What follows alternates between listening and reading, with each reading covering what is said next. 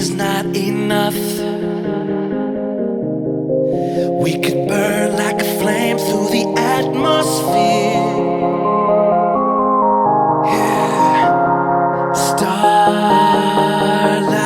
it's cold.